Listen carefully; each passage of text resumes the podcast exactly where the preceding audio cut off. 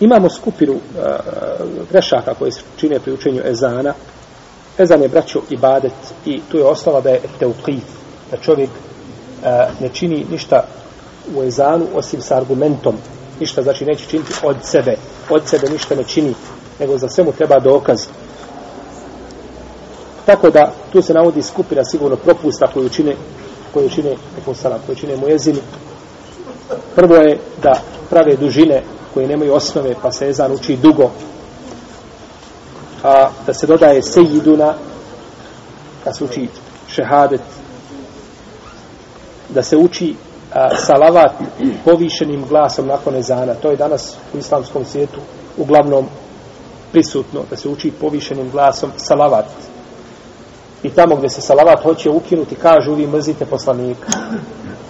Kao za ljude koji ne klanjaju sunnete u džamijama, kaže vi mrzite poslanik, vi ne klanjate sunnete. Ne klanjate sunnete. Jedan brat što je učitelj, pitao djecu, kaže, sad nakon ove hajke koja se vodi, kaže, šta su to vehabije ispitivao? Hajde reci šta su to vehabije? Kaže, jedan učenik, kaže, vehabije su, kaže, oni koji ne klanjaju, koji ne klanjaju nego sunnete. Samo sunnete klanjaju. Znači, da se uči salavat na glas. Kaže, vi ne volite poslanika kad ne učica. Ma volimo poslanika, lajla. Ko, ko je da ne voli poslanika, sallallahu alaihi sallame? Može li musliman tako nešto pomisliti? No, međutim, ima, braćo, sunnet koga smo dužni slijediti. Ima sunnet koga smo dužni slijediti. Isto tako da se čovjek ne drži sunneta koji su vezani za ezan koji smo spomenuli, je propust. Da se ne uči na sabahu, salatu hanu minu neum,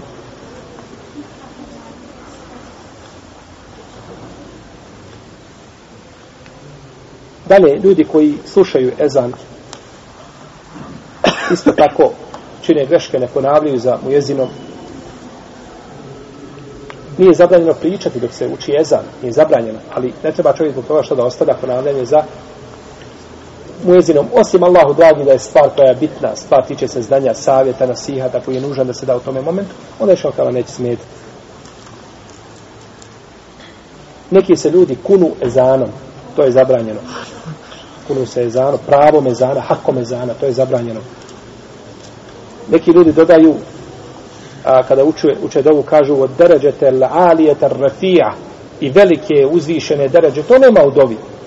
Isto neki kažu na kraju dove, kažu inneke la tuhlifu mijad, ti nećeš svoje obećanje iznevjeriti. To je došlo u hadisu, braćo, koga bližava Mel Bejheqi, dodatak.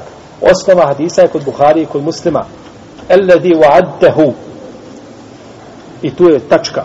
A innaka la tukhlifu al-miyad je došlo kod Bejhaqija i kaže šejh Albani da je taj dodatak slab. Ibn Maz kaže da je dobar ali ispravno da je taj dodatak slab. Da je taj dodatak slab. Da nema osnove.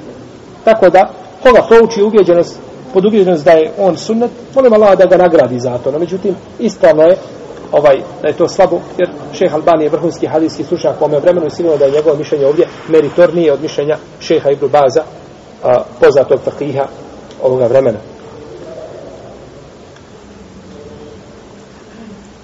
Isto tako kod ikameta ima propusta koji se čine ovaj neustajanje na vrijeme kad se uči kamet, priča nakon ikameta i tako dalje, kad se popravljaju safovi, slično tome, a, isto tako da kažu Allahume ahsin vukufena bejne jedejk, to se govori, to ćete čuti možda kad odete na hađ, a, ovaj, kada se poži kad kameti salatu, uspostavljeni, uspostavljeni namaz, jeli, kažu gospodar naš, ovaj, poboljšaj nas stanje kada budemo stojali ispred tebe i tako da je sve sto dove koje nemaju svoje osnove koje se trebaju učiti na tome mjestu.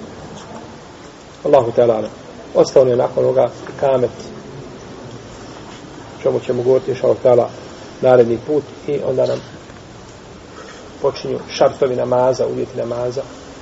Znači Allah te barak da nas pouči naše vjeri, nas uputi na pravi put, popravi naša stanja.